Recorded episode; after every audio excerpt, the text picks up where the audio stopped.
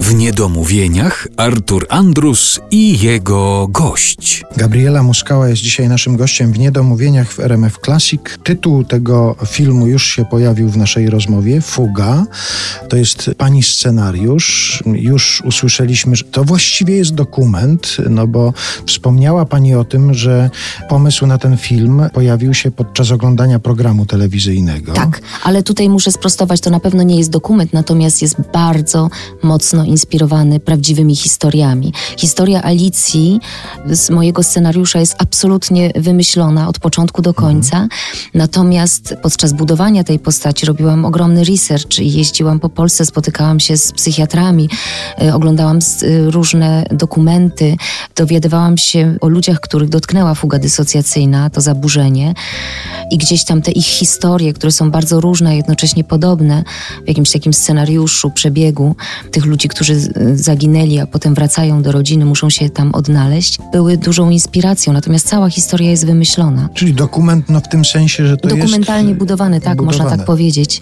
A jeszcze wracając do tego, że pani notuje, nagrywa czasami, tym się inspiruje, trochę już przechodzę do takiego tematu, który mam nadzieję nam się tutaj rozbuduje, bo to już są takie trochę przedświąteczne niedomówienia w RMF Classic. Czy nie jest tak, że rodzina boi się odzywać w czasie świąt, kiedy z panią... No, chodzi mi tutaj o mm, cichą noc. To jest opis Wigilii, rodzina, która rozmawia ze sobą. Czy tam są też e, fragmenty inspirowane prawdziwymi rodzinnymi spotkaniami? Również rodzinnymi, ale nie tylko. Obserwacjami ludzi i bliższych, i troszeczkę dalszych znajomych. To nie jest tak, że stosujemy y, z moją siostrą Moniką Muskałą inspiracje takie bezpośrednie, że to jest jedna osoba, która jest jeden do jednego opisana. To bardzo często są, jedna postać jest gdzieś tam składową paru postaci, mhm. z których coś tam y, zbieramy. Oczywiście, że ta rodzina gdzieś tam mm, jest, jest w tych naszych sztukach, nie tylko w Cichej Nocy, ale i w Daily Soup, y, i w podróży do Buenos Aires. Tam inspiracją była nasza babcia, która chorowała na Alzheimera. Ja ten monodram gram już 18 lat.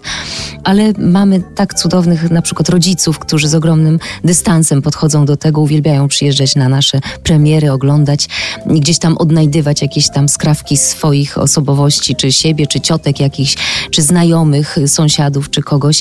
I to jest bardzo fajne, że, że, że ci, którzy siebie odnajdują w naszych sztukach, mają do tego dystans, bo to nigdy nie są gdzieś tam portrety właśnie dokumentalne tych postaci.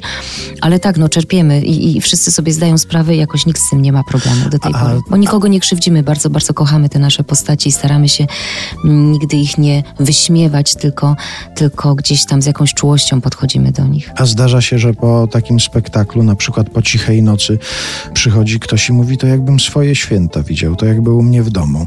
Ludzie, widzowie identyfikują się czasami z tym, co widzą na scenie i, i potem o tym mówią albo piszą gdzieś w jakichś komentarzach. Po cichej nocy to było, y, zrobił Paweł Paszta w Teatrotece. Jan Buchwald y, robi ten spektakl 13 grudnia, prapremiera teatralna w Teatrze w Kaliszu.